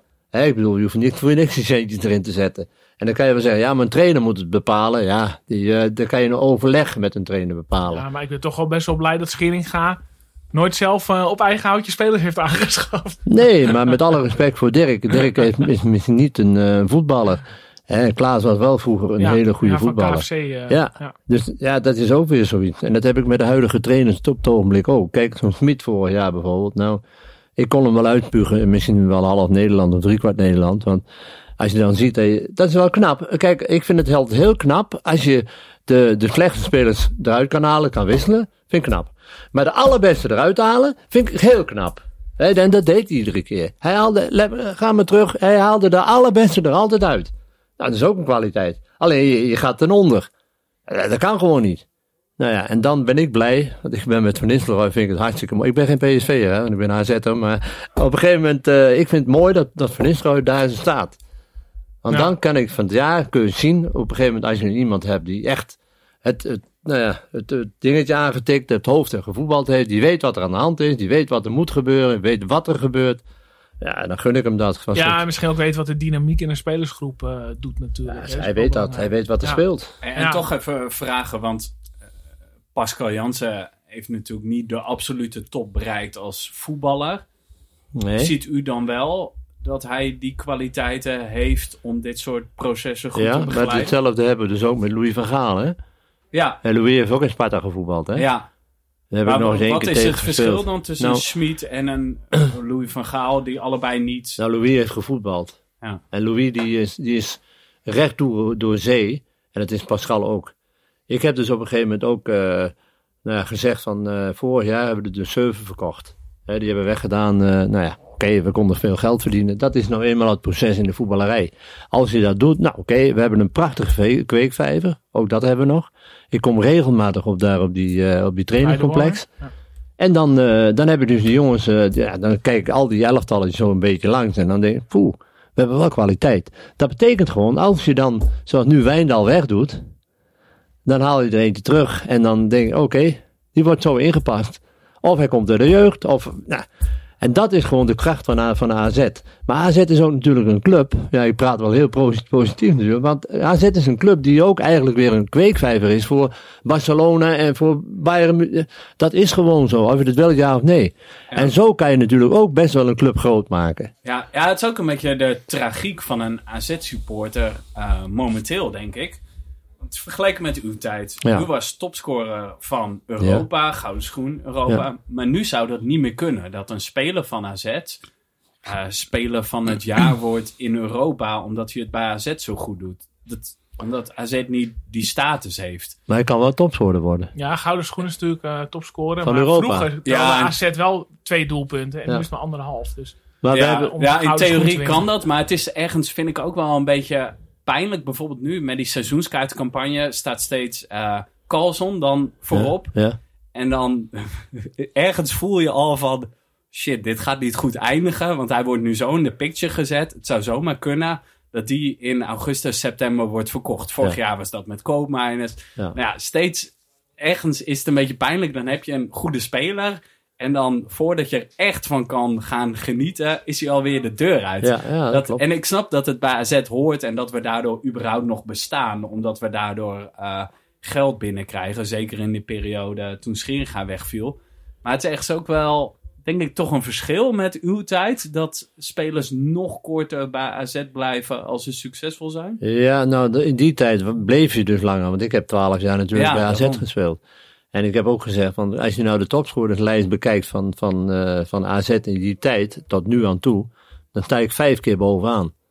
Er zijn er vijf van 34, 32, 29, 27, 25. En dan komt pas de huidige, komen de jochies komen dan met, met 22, 23 aan de bak. En dat is, ja, ik vind dus, als je een spits bent, en zeker bij AZ, dan, dan moet je er 30 in kunnen schoppen. Of 25, 30. Dat moet. En als dat niet gebeurt, dan, dan heb je het niet goed gedaan. Dat ligt op de lat heel hoog, maar zo is het gewoon. Dat is de afgelopen jaren niet gebeurd. Nee, dat, van gebeurt bijna niet meer. Nee. Maar ze beginnen nu al te, te klappen als iemand er eh, 15 inschopt. Denk ik van ja, hoe bedoel je? Maar vindt u dat... 34 wedstrijden, Vindt u 15 dat- goals maken. Vindt u Dat- AZ dan spitsen moet aantrekken die er 30 kunnen maken? Of vindt u dat een Pavlidis er 30 zou moeten kunnen maken? Nou, ik ga geen eh, over Pavlidis, eh daar kan ik een aantal dingetjes over kwijt. Kijk, hij heeft het bij Willem II toen gewoon goed gedaan. Hij heeft, ik heb hem dus afgelopen zondag het weekend weer gezien. En, eh of wanneer was het? Wanneer was dat? Ja, donderdag. Zondag, donderdag. Of zondag, ja, de Eagles, de eerste Ja. wedstrijd. En ik heb hem weer gezien. Ik vond hem heel, ja, heel gretig. Ik vond hem heel, ja, ik weet nou, wel, wel, wel, ja, daar kan ik wel mee leven, zeg maar. Maar wat AZ is- nodig heeft als, als spitsen, dan is niet eentje, maar die hebben er één of twee nodig die gewoon het verschil kunnen maken. Dat, dat is een heel ander, kaliber. Dat is ook een heel andere. Ik heb net toevallig een interviewtje gehad met iemand die, dat ging over de spitsen van Ajax. En dan gaan we het over Bromby hebben. Ik wil het niet over Bromby hebben hoor, maar ik denk van. Nou, Bromby is voor mij een, een, een invaller, een pinchitter. Een, eh, dat is het voor mij. Jochie is nog heel jong. Die moet je de kans geven. Of je zegt, kies voor hem en ik laat hem staan. Dat zou kunnen. Maar ik denk dat hij het dan niet maakt. Maar dat invallen en zo, dat, daar is het er eentje voor. Maar het is niet zoals, eh nou ja, zoals Cruijff en, en ja, noem maar op, Kees Gist. En, en, en ja, wie waren er nog meer? Ruud Geels. Maar, maar wat u zegt, hè, wat, eh, ik bedoel, hoe, even uh, parate kennis. Hoe wat Vincent Janssen in zijn topjaar in 2016? Zal ook 24 geweest zijn of zo? Ja, Eh, niet de 30. Maar ik denk nee. dat hij zo rond 24, 25 zat. Ja. Maar ik denk met Pavlidis vooral, moet hij dan alles in zijn eentje doen? Want als ik het met uw tijd vergelijk, Nee. Samenwerking met Nika, het Ja. was essentieel. Ja. Maar bij Pavlidis denk ik ook wel vaak, ik heb bijna een beetje medelijden met hem, want het ligt niet aan zijn werklust. nee, hij En je ziet gewoon dat hij zelf ook iets probeert te creëren, maar Ja. hij krijgt gewoon weinig op een presenteerblaadje. Hij kreeg wel goede kansen ook tegen Jawel, maar hij moet er zelf voor werken. Ja. Hij moet er heel vaak zelf voor werken om die, om die kans te krijgen. Ja, Nou, en welke andere spits dan, zou heb je, dan heb je dus te maken. Kijk, ik was ook afhankelijk van de zijkanten. Ja, spits je, als je met drie spitsen speelt, heb ben je afhankelijk van de zijkanten. Nou, als je dat hebt en je hebt dus een uh, Carlson aan de, aan de linkerkant staan, wat tegenwoordig allemaal. eh, ja, het is allemaal modern en eh, we zetten rechtsbenen aan de linkerkant. Waarom doen we dat? Nou, dan kan hij gewoon kappen naar de linkerkant toe en dan kan hij voor zijn sterke rechterbenen kan hij op de goal schieten. Robben. Maar wij vergeten, wij vergeten dus dat er ook een spits staat. En die moet voorzetten hebben, of ballen van de zijkanten. Luc de Jong moet zij, zijkanten ballen hebben, want anders kun je hem net zo goed in de kleedkamer laten. dus dat, dat bedoel ik mee te zeggen van, als jij een centrumspit neerzet als Pavlidis, dan moet je, en hoe diep en hoe kort en hoe doe ik het allemaal door, is gewoon linkerkant eentje die een voorzet kan geven, met een linkerpoot. Of hij moet tweebenig zijn, die zijn er heel weinig. En aan de rechterkant. ja. En of je ze dan in laat zakken of je het spel laat diep spelen, dat is dan het eh, systeem. Maar laten we eerlijk zijn, er zijn natuurlijk in de hele Eredivisie geen nauwelijks spitsen die er 30 hebben, meer dan 30 hebben gemaakt. Nee. Dus dat gebeurt gewoon niet. Dat gebeurt gewoon bijna niet. Dus dat, dat vind ik gewoon een manco. Kijk, wij hebben, niet- wij hebben niet meer spitsen die eh, bij ons, die, nou ja, zijn, wil je net zeggen, van Vincent Jansen, eh, die heeft er 25 gemaakt. Nou ja, dan zit hij op 25. Dat is wel onder mijn ladder, nog steeds. En dan denk ik van, ja, hoe is het dan? Was die tijd dan zo slecht? Nee, die tijd nog niet zo slecht. Maar het is gewoon, ja, de neus voor de goal. En dat, we hebben ook een spits gehad in, die speelde bij Fortuna of zo. Dat was een Griek. Die werd Nou, topscorer voor... Ik denk Maglas bij Mag Vitesse. wel, ja. Nou, dan denk ik, dan speel je bij een clubje wie eigenlijk eh, in de Die onderste had er regionen. 34, eh, herinner ik me. Onderste regionen en, en dan word je topscorer. Ja, Ja. dat is ook alweer 20 Ah, jaar terug. su- subtop. Nee, Ja. dat was niet Maglas. Nee, dat was die andere Griek. Die is twee, drie jaar geleden. Speelde die, eh, die, en die zijn gedegradeerd ook nog, geloof ik. Toen hebben ze die spits verkocht. Fortuna of wat was dat? Wie was dat? Ja. Ja, ik moet bijna denken aan vlieders voor Willem II. Maar Nee, ik weet wel, Ja. ik weet wel wat hij bedoelt, ja. Maar ik eh, heb de naam eventjes niet paraat. Ja, nou ja, goed. Maar die, die, die schoppen ze dus wel in. Dus het kan wel. Maar je bent als spits, ben je afhankelijk van je zijkanten, van je Ja. middenveld. Je bent afhankelijk. Dat Ja. is gewoon zo. En nog even terug naar de vorige spits van AZ, Boadu. Op een gegeven moment werd dat ook een ding in de media. Dat eh, u ja, gevraagd of ongevraagd advies Ja. had gegeven aan Nou, Boadu. Hoe is dat in werkelijkheid gegaan? Nou, in werkelijkheid is het gegaan dat ik zat voor de televisie. Ik, was, ik ben rapporteur van de Telegraaf, dat ben ik nog steeds. En eh, ik zat voor de televisie, een beetje onderuitgezakt. En AZ die was op het beeld. Op een gegeven moment zag ik een actie van onze vriend Myron Boadu. Waarvan ik dacht van, ik ben uit de bank gesprongen. Ik denk, ik, ik werd helemaal kwaad. Ik werd helemaal hysterisch. Alleen de lichaamshouding, hoe hij dus op dat veld liep. Een lichaamshouding waar ieder publiek voor gaat fluiten. En toen in de Telegraaf, die macht heb je dan. Telegraaf heb ik dat dus gezegd. Ik zeg, zoals Boadu, die loopt net als een oud wijf, loopt hij op het veld. En toen zei dus zijn moeder, Kees kon wel eens gelijk hebben. Let op, nou gebeurt het. Dus Boadu die belt mij. Hij zei, ja, dit en dat. En, eh, en ik had gezegd van, eh, ik wil wel eens een kopje koffie met hem drinken. Ik wil hem wel eens, eh, hè, eens kijken, even met hem, met hem praten. Nou, toen zei hij, ik wil wel een koffie, maar ik drink geen koffie, ik drink chocomelk. ik zei, nou, dan doen we toch chocomelk, dat boeit mij dan niet. Nou, toen heb ik een afspraak gemaakt via dus Max Huibers en eh Eenhoorn. Ik zei, jongens, moet luisteren, zo en zo. Hij zei, nee Kees, ga je gang. Bekijk het, eh, zoek het lekker uit. Ga je gang, je bent vrij. Nou, gelukkig als icoon heb ik dan wat voorrechten. Normaal kan je dat niet doen hoor, maar goed. Dus ik Boadu aan tafeltje en eh zei, nou, moeten we die chocomelk? Ja, chocomelk. Nou, chocomelk klaar. Ik zeg tegen hem, ik zeg, hoe is het? Nou, dan werd het even stil. Ik zeg, hoe gaat het? Ja, ja, nou ja, ja, ja, ja. Ik zeg, ja, ik zeg, niet goed hè? Ik ben heel direct hè, ik ben heel, eh, ik zeg, niet goed hè? Kloot hè? Zoals jij loopt te voetballen. Ik zeg, niet best hè? Ja, ja, maar ja, maar ja, een speler gaat altijd draaien. Ik zeg, nou, ik zeg, eh, ik zit voor die televisie. Ik zie jou als een dweil daar op de televisie lopen. Ik zeg, wat denk je wat die supporters? Ik zeg, mijn, mijn, mijn site aan achter de goal en alles. Ik zeg, hoe die erover denken. Die gaan je uitfluiten. Ik zeg, maar daar ben je er nog niet mee. Ik zeg, die maken je af. Ik zeg, waarom? Omdat je geen inzet hebt, omdat je er als een Jan Lul rondloopt. Zo ben ik dus begonnen met hem. Dus ik begon hem eigenlijk een beetje te kietelen. Toen zei hij, ja, ja, ja, ja. Ik zeg, en, en dan erbij, ik zeg, volgende week ben ik er weer. Ik ben een jaar lang ben ik er geweest op donderdag, hè. Op de trainingen. En dan zei ik van, eh, morgen, ja, ik donderdag, oké, dan was ik er weer. Ik zei, na, de, na die training, dan gaan we even zitten weer. Dus op een gegeven moment toen, eh, ja, toen ging het ietsje beter, maar nog lang niet. Op de training, niet die inzet die, ja, die ik gewend ben, laten we het zo maar tellen. Niet dat, die gif die Dani de Wit wel heeft. Laat Ja. die, die, nou. Dus ik zat eh, tegen dat hekje aan zo op het trainingsveld. En uh, nou, heb ik met Pascal eens even gesproken. En ik zei, nou, ik zei, hoe is het? Hij zei, nou, hij zei, je wil even wat, me helpen, een beetje helpen. Ik zei, nou, een beetje helpen. Ik zei, ik wil hem op het pad zetten. Wil hem op de rail zetten. Zei, dat is wat ik wil. Hij zei, je hebt mijn, uh, mijn uh, vrijbrief. Hij zei, want ik heb hem in mijn armen gesloten. Hij zegt, en uh, ik, ik vind dat hij veel kwaliteit heeft. nou, dan moeten we dat eruit gaan halen. Proberen. Ik zei, dan ben ik degene wel aan de zijkant. Ik zeg, het is allemaal prima. Zei, maar dit kan er niet. Nou, op de training op een gegeven moment een paar keer gezegd van, ja, hallo, kom maar. Kom eens hier. Nou, huppakee, klaar. Weer hem, waren gewoon iedere keer weer prikkelen. toen was het één keer dat ik op een gegeven moment, toen, toen was ik er ook zo flauw van. Hij, had, hij, hij ging wel in de stijgende lijn hoor. Maar op een gegeven moment, ik wilde, ja, ik wilde die agressie in het veld zien. Ik wil een doelpunt maken, dan moet het patteren. Want dat zijn we, daar zitten wij voor op de tribune, ja, als, als, als publiek mm. en als supporters. Dus op een gegeven moment toen, uh, toen zat ik tegenover en dat was de wedstrijd voor Feyenoord. Toen ben ik even gaan staan. Ik heb hem bij zijn strot gepakt. Ik heb hem een paar keer heen en weer, ik ben best wel potig hoor. Ik heb hem een paar keer heen en weer geschud. Ik zei, wie ben jij? Zeg, wie ben jij in godsnaam joh? Klootzak dat je bent, wie ben je dan? En toen zei hij, dus, hij, werd hij zelf werd hij een beetje giftig.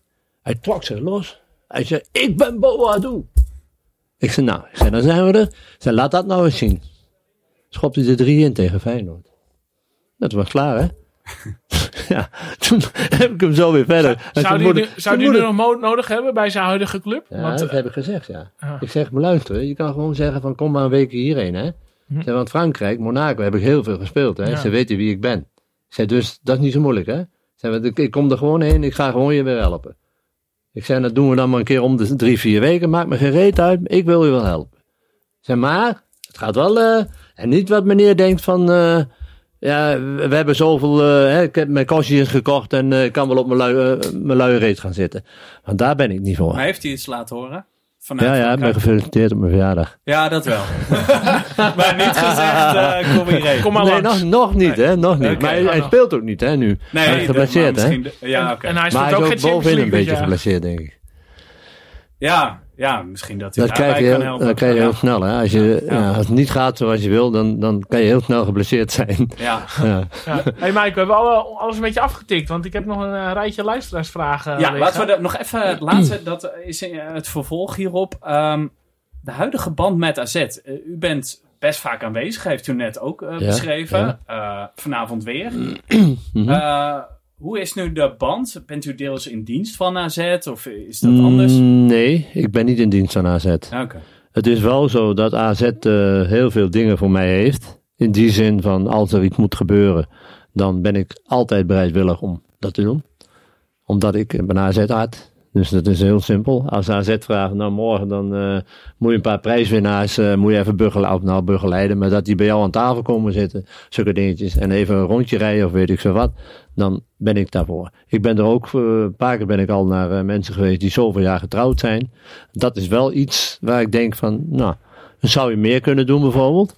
Hè, kijk, als je een supporter hebt en die gaat trouwen bijvoorbeeld, dan zou het heel leuk zijn als er een vertegenwoordiger van AZ naar zo iemand toe zou een bosje bloemen overhandigen, even een kopje koffie drinken en zeggen van nou, fijne avond verder. Snap je? Dat, dat hoort ook bij AZ, want AZ is natuurlijk een hele warme club. Het is een familieclub, maar ook een hele warme club. Nou, als je die dingen allemaal bij elkaar optelt, dan, nou, dan ben ik regelmatig bij AZ. Ik ben alle wedstrijden ben ik er, thuis. Ik zit in mijn Kees Lounge, daar kom ik voor de wedstrijd en na de wedstrijd. Nou, ze hebben hiep hiep geroepen afgelopen, afgelopen zondag. Het was één groot, eh, groot gekkenhuis. Maar dat is dan leuk. En eh, ja, op de trainingen kom ik dus wel regelmatig. Ja, echt een ambassadeur. Ja, ik ben een ambassadeur. Ja. Laten we naar de vragen gaan. Eh Sander, jij had gisteren op eh, Twitter al even gepeild van hebben jullie nog vragen voor ons eh club-icoon? Had je Ja. reacties Nee, er zijn geen vragen binnengekomen. Oh. Jawel, nee, ik heb een aardige, aardige rij binnen. Geen ene vraag. Kees. Ik heb alles uitgelegd. Een uh, Barendje Brandhout. Die eh, Brandhout. zegt, Kees was een van mijn idolen, idolen samen met Gerris Voice toen ter tijd. En geheel terecht is er een lounge naar hem vernoemd in het stadion. In die lounge hangt een lito met zijn beeldenis die ik altijd al zou willen hebben. En nu komt de vraag, zit op twee sporen. Is deze ergens te koop? En wat was zijn mooiste goal? Oh. Ja, dat is een verrassende. Is die lito ergens te koop? Nou, eh, ik weet niet of ik daarvoor bij Kees zelf moet zijn. Ik denk dat het de Lito is die boven de, als je binnenkomt, denk ik, van Barcelona. Ja, ik kom daar niet elke week, moet ik eerlijk zeggen. Nee. Maar er, er zit een eh, foto, staat er, die is bijna levensgroot. Die, als je de Kees Gies Lounge binnenkomt, dan zo recht tegenover je daar. Dat is een goal tegen Barcelona. Oh, ja. 100 140.000 mensen. Toen speelde Cruijff aan de andere kant en Neeskens ook. En toen kwam, nou ja, toen schoorde ik daar uit een paas van Lucie Ussem. Zal het nooit vergeten. Ik zie het nog gebeuren. Nou. Ja. Ja, ja. De hele band op de kop. Ik heb nog nooit zoveel bierblikjes zo omhoog gezien als, als daar. dat was helemaal verschrikkelijk. ja. Oké, was dat ook je mooiste goal? Want er hebben meteen twee vragen in één Ja, nou ja, de mooiste goal. was- Ja, de mooiste goal. Ik heb best wel een paar leuke goals gemaakt natuurlijk. Ik geloof dat ik er een, een, zoiets 400 gemaakt heb. Maar Ja. dan, dan, Welke staat dan het meeste bij? ja, mensen staat het meeste erbij. Het, het, het, het zijn allemaal verschillende goals. Kijk, eh, Christian Niga, die, die ingooi bijvoorbeeld, daar heb ik ook goals uitgemaakt die gewoon flitsend waren, die goed waren. Ik heb zelf een paar hele aardige kopgoals gemaakt, terwijl ik eigenlijk nooit kopte. Maar de mooiste goal, ja, dat zijn de belangrijkste goals. Dat zijn goals die ik in Nederland zelf schiet je al... als eerste te binnen? Nou, de- dat die van, eh, van Barcelona. Die Oké, schiet me gelijk nou ja. binnen. Nou, dan is de Dus vraag van Barendje Brandhout toch eh, in één keer afgetikt. Eh, Roodbroek, dat is volgens mij ook Jan-Jaap van den Berg, de schrijver van het Gouden Asset. Ja. Had Asset in 81 niet gewoon de UEFA Cup moeten winnen? Ja, dat denk ik wel, ja. Dat Ja. had wel gekund, ja. Maar ja, goed, dan win je hem niet. En, Ja, eh, dat is natuurlijk het bekende verhaal van het kampioensfeest. Hè? Onder, onderschrijft u die lezing ook? Dat, ja, dat het, ik, eh, ik, ik, ik heb was erbij. Dus eh, ja, kijk, eh, als je dus een. Maar ja, daar heb je weer zoiets. Dan heb je een tienjarenplan. En dat tienjarenplan, dat komt dus. eh, nou, stap voor stap komt dat dichterbij. En dan op een gegeven moment is het moment. Dan word je met tien, tien punten word je kampioen van Nederland. Ja, dan is er een feest. Ja. En dat feest hebben we dus eigenlijk een beetje, ja, een beetje onderschat eigenlijk. te van, veel ja. eh, Berenburg Ja, nou, ja, ja. een beetje te veel, beetje wel. En dan moet je dus, nou, ja, dan moet je, ja, moet je verder. En dan was niet zo professioneel, denk ik. Ja, oké. nu heb ik een vraag van eh, Anthony van Asset Alerts. Ja, het is een vrij brede vraag, maar eh, op welk punt moet Asset zich verbeteren? Zowel voetballend als organisatorisch. Nou, organisatorisch heb ik wel een beetje begrepen. Kijk, en dan kom ik terug op onze trainer Pascal Jansen. Kijk, eh, vorig jaar in de, tegen de kerstdagen was het allemaal, ah, Pascal moet weg. En, toen heb ik ook gezegd van nee, absoluut niet. En waarom niet? Ik heb het ook onderbouwd. Ik heb ook gezegd waarom niet. En dat, ik vind dat gewoon heel belangrijk. Kijk, als je zeven spelers verkoopt, dan moet je als trainer, en dan kan je ons liever eerder voorzetten, of wie dan ook, maar dan, dan zijn je nooit meer een, gelijke kampioen. Ja, dan heeft u het over vorig seizoen. Ja, daar heb ik, maar het is ook dit jaar is het zo dat hij gewoon nu, op dit moment, eh, vind ik gewoon dat, ja, dat hij hoort ook een beetje bij AZ. Ik vind hem bij AZ passen. En, en, en ja, en hoe ik het ook, eh, ik ben wel pro, eh, ja, pro Jansen Maar zeggen. wat denkt u dan als we bijvoorbeeld met 1-0 van Dundee verliezen? Ja, dat kan gebeuren, maar dat zit niet alleen in Pascal Jansen. Kijk, dat zijn de jongens die op het veld staan. Want die moeten met de gewapende dingen, met het mes, zoals ik het dan zeg, met het mes in de bek, moeten ze dus het stadion in vanavond. En dan moeten ze zorgen dat ze op een gegeven moment dat Dundee zegt van ja jongens, hier is niks tegen te doen. Hier moeten we maar eh, afhaken. Maar is En dat, ook dat niet is een aan beetje de taak van de coach? Om te zorgen dat ze een mes in de bek hebben? Nou, dat denk ik wel ja. Het is een, het is een taak van de coach. Alleen, als je die elf op het veld hebt, dan moet je het wel doen hè. En dan kan Pascal aan de kant kan, nog wat aanwijzingen geven, maar dan, dan heb je ze losgelaten. En ik vind gewoon dat deze groep dat best kan beseffen. Ze zijn nu wel volwassen genoeg, denk ik, om te weten wat er vanavond aan de hand is. Ja, ja, de luisteraar, als hij dit hoort, weet al wat eh, vanavond gaat gebeuren. dus daar ga ik niet te veel op. Wat gaat er gebeuren vanavond? Ja, eh, Nou, dit wordt morgen gepubliceerd. Oké. ja, Maar het dus- is wel, ja, het is toch wel do or die. Als, als, als AZ niet wint, dan Ja. is dit seizoen toch gewoon niet geslaagd. Zo simpel kan je het zeggen. nou, zo, goed. ik denk niet dat je dat zo kort door de bocht kan zien, eigenlijk. Kijk, als het niet slaagt, wat wel een paar jaar gebeurd is, dat hebben we wel gehad in het verleden. Van, eh, nou, dan, dan, dan hebben we twee op de kop staan en eh, dan zijn we door. Dan hebben we de Europa Cup en dan geven we het zo weg. Dat was vorig jaar of het jaar ervoor Ja, ook En dan denk ik van, ja, hallo jongens. Maar kijk, dat kan je niet alleen maar op het konto van, eh, van Pascal neerzetten. Ik, ik denk, hè, als je op een gegeven moment die... Dat hadden wij toen ook. Kijk, wij moeten het doen. En geen Kessler, en geen Kraai. En di- wij moeten het doen. En als wij op een gegeven moment de mouw opstropen, dan zijn wij degene die verliezen en die winnen. En ondersteuning van Pascal, of de trainer die er is, ja, dat, die kan, dat kan je niet, nee. Maar goed, we gaan het zien vanavond en we gaan toch winnen. Dus eh, wat dat betreft, Vraag van Niels. ja. Eh, Kees kwam wel tot zijn recht bij eh, AZ. Maar bij andere clubs heeft hij maar hele korte periodes gespeeld. Ja, dat klopt. Hoe komt dat? Ja, hoe komt dat? Ik ben anderhalf jaar bij Paris Saint-Germain geweest. En ik ben een jaar naar Moulouse gegaan. Waarom? De twee presidenten die hadden dus een goede, dat waren vrienden. En die wilden ook graag dus eh, de hoogste divisie in. Toen hebben ze DJ Six en mij daar laten voetballen. En toen kwamen we net een punt tekort aan het eind van de rit. En toen promoveerden we niet. En toen begon Klaas dus weer eh, te trekken. Van eh, kom maar terug, kom maar lekker bij mij hier. Kom maar gauw hierheen. Nou, daar heb ik mee gesproken. Ik zei nou, ik zeg, ik ga weg, ik ga terug. Toen ben ik weer terug naar AZ gegaan. 22 nee, dan hebben we het over 83. Ja, dat zou kunnen. Ja. Ik ben slecht in jaartal hoor ik. We hebben een vraag van iemand, ja, de bijnaam Beb Bakhuis. Maar ik denk niet dat het echt een Beb Bakhuis is. Eh, ik weet niet of u het fijn vindt om erover te hebben. Maar hoe- Bakhuis? Ja, nee, zo, zo Oh, zich be- op oh ja, Twitter. ja, ja, ja. Hoe u terugkijkt op de periode dat u beschuldigd werd van het in brand steken van de sportzaak. Ja. Het li- ligt waarschijnlijk gevoelig, maar ik weet niet... Nee, eh, dat of- ligt helemaal niet Oh. gevoelig, want het is, er is nooit wat gebeurd. Dus ik- Nee, maar hoe, heb, hoe eh, vond u dat toen het toen gebeurde? Ja, maar dat heb je toch met hoge bomen, die vangen veel wind. En als, die, als je dan een hoge boom bent, dan, dan word, je, word je gewoon, wordt je kop er gewoon afgehaald. Terwijl je kijk nou maar naar Bozato. Kijk nu, nu naar wat er allemaal gezegd wordt. Eh, ik bedoel Ali B. En hoe, het moet allemaal nog bewezen worden. Bij mij is het dan bewezen dat ik het nooit gedaan kon hebben. En mijn vriendin op dat moment ook niet. Nou, en dan schuiven ze het weg. En dan komt er zo'n stukje van twee centimeter in de, in de krant te staan. Terwijl de andere pagina's eh, levensgroot zijn. Maar dat is als je dus een, eh, een groot, nou grootheid, maar laten we zeggen, dus een icoon bent. Een, een, een, een spit die uh, topscorer van Europa is. En nou ja, dan heb je dat. Ja, ra- Maar raakt ik heb u daar- als, ik herinner me dat, of herinner, ik staat me bij dat bijvoorbeeld hele supportersvakken eh, dat zongen. Ja. Ra- raakt dat u op dat moment? Maar dat was maar één supportersvak. ja, was bij Ajax. eh, was dat. En daar heb ik de middelvinger naar opgestoken. ja, maar Met eh, de ik bal in het netje geschoten. En gescoord, ja. Dat weet je nog. Ja. Bal erin geschoten. Toen ben ik naar het vak gelopen. Heb ik de vinger omhoog gedaan. Van die idioten. Want die mensen die snappen het namelijk niet. Die missen het verstand. En dat heb ik later ook gezegd. Want Sjaak Zwart namelijk is een van mijn allerbeste vrienden. En die zei, je had gelijk. Ik bedoel, ja, dan ben je er ook kauw vanaf hè. ja. Als je dus de middelvinger opsteekt en je schopt die bal erin. Ja, dan denk je, ja. En die bal die, nou, die ging helemaal zo. Nou, toen hij van mijn voet vertrok, wist ik al dat hij in de goal ging. Toen had u een middelvinger al in gereedheid. Toen dacht ik eh, al van hier. Mooi hè? Ja. Ja, maar in hoeverre eh, ja, eh, emotioneert u als, als zoiets wordt gezongen Nee, nee, nee, nee, nee, dat nee. Nee, dat emotioneert me niet. Net, net hetzelfde als, eh, ik heb zoveel drijf... Ze hebben tegenwoordig over drijfbrieven. Ze hebben Tadic aangepakt, eh, eh, zag ik, in, in, hè, dat, dat is er ook weer iets mee.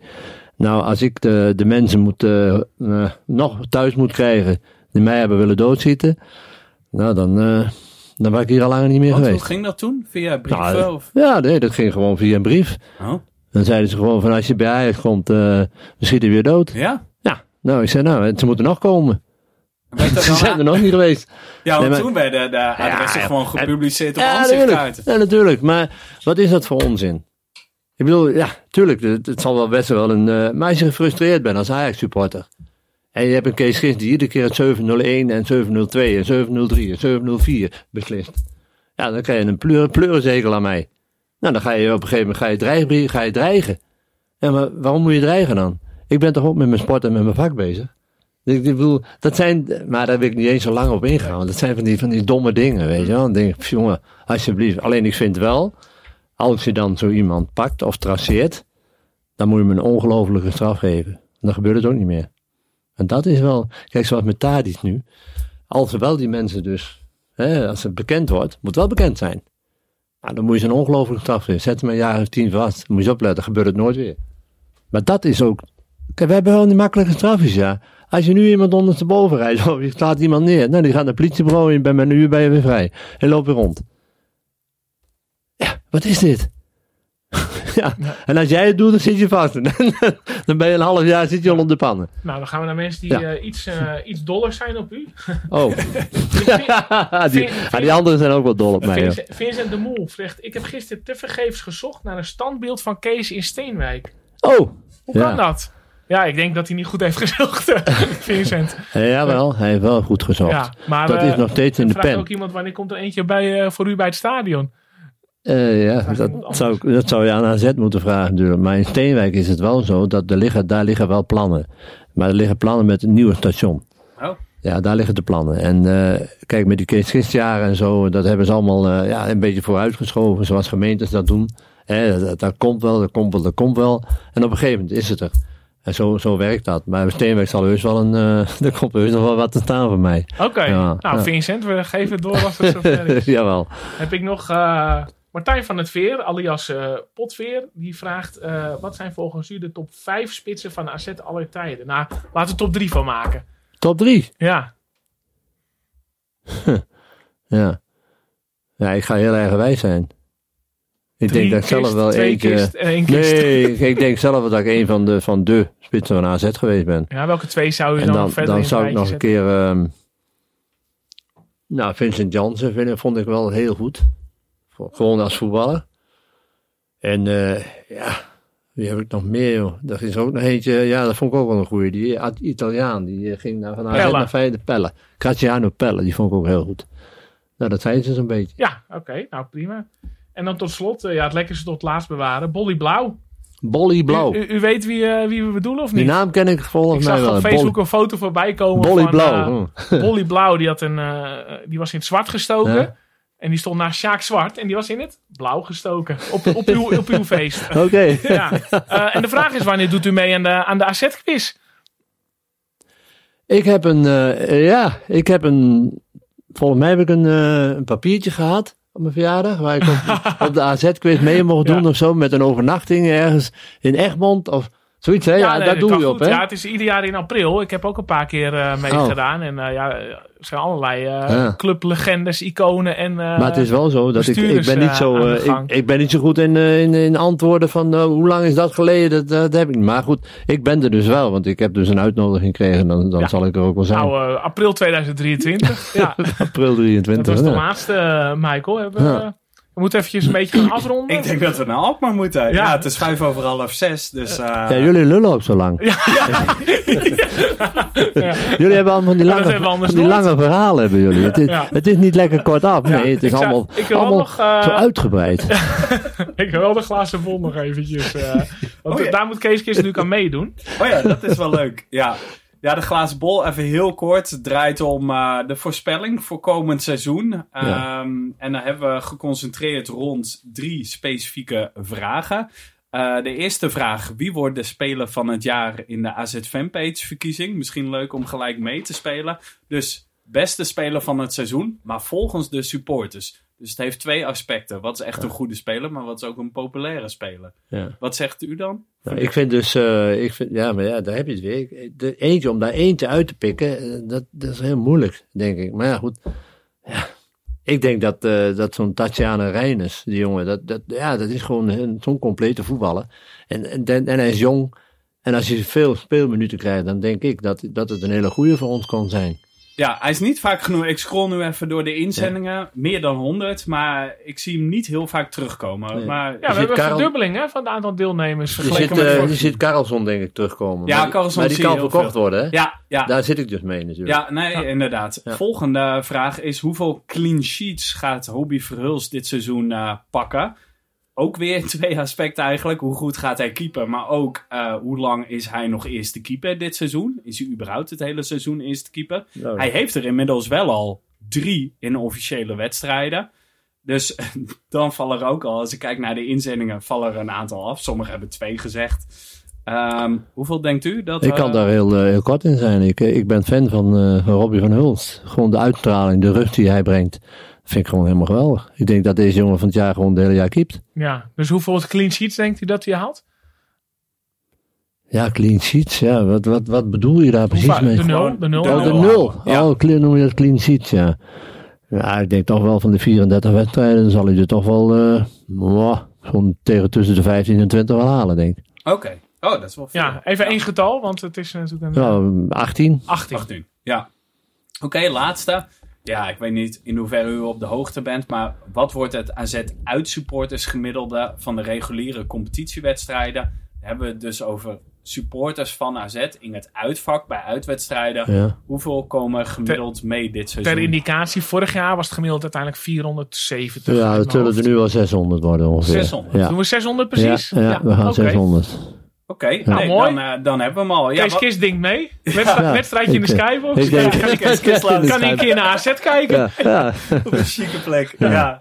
Oké, nee, we gaan afsluiten. We gaan eh, met gierende banden gaan we naar Alkmaar. Ja, super bedankt eh, voor eh, nou ja, de komst is natuurlijk vooral voor de AZ, maar voor het spontane aanschuiven.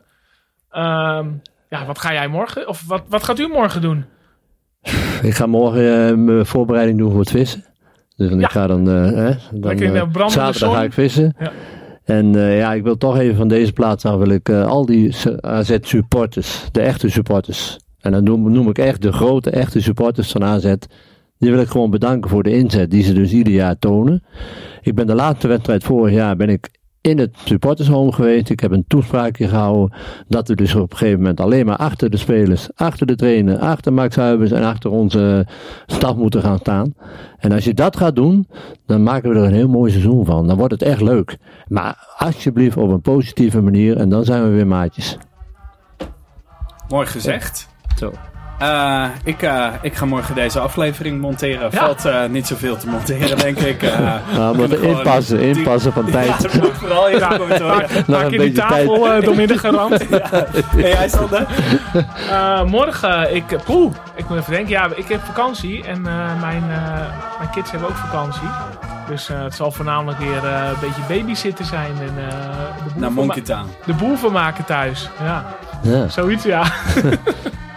Oké, Oké. Ah, nou we gaan afsluiten. We gaan naar eh Alkmaar. Tot in Alkmaar. Oké, tot in Alkmaar. Tot in straks. Alkmaar.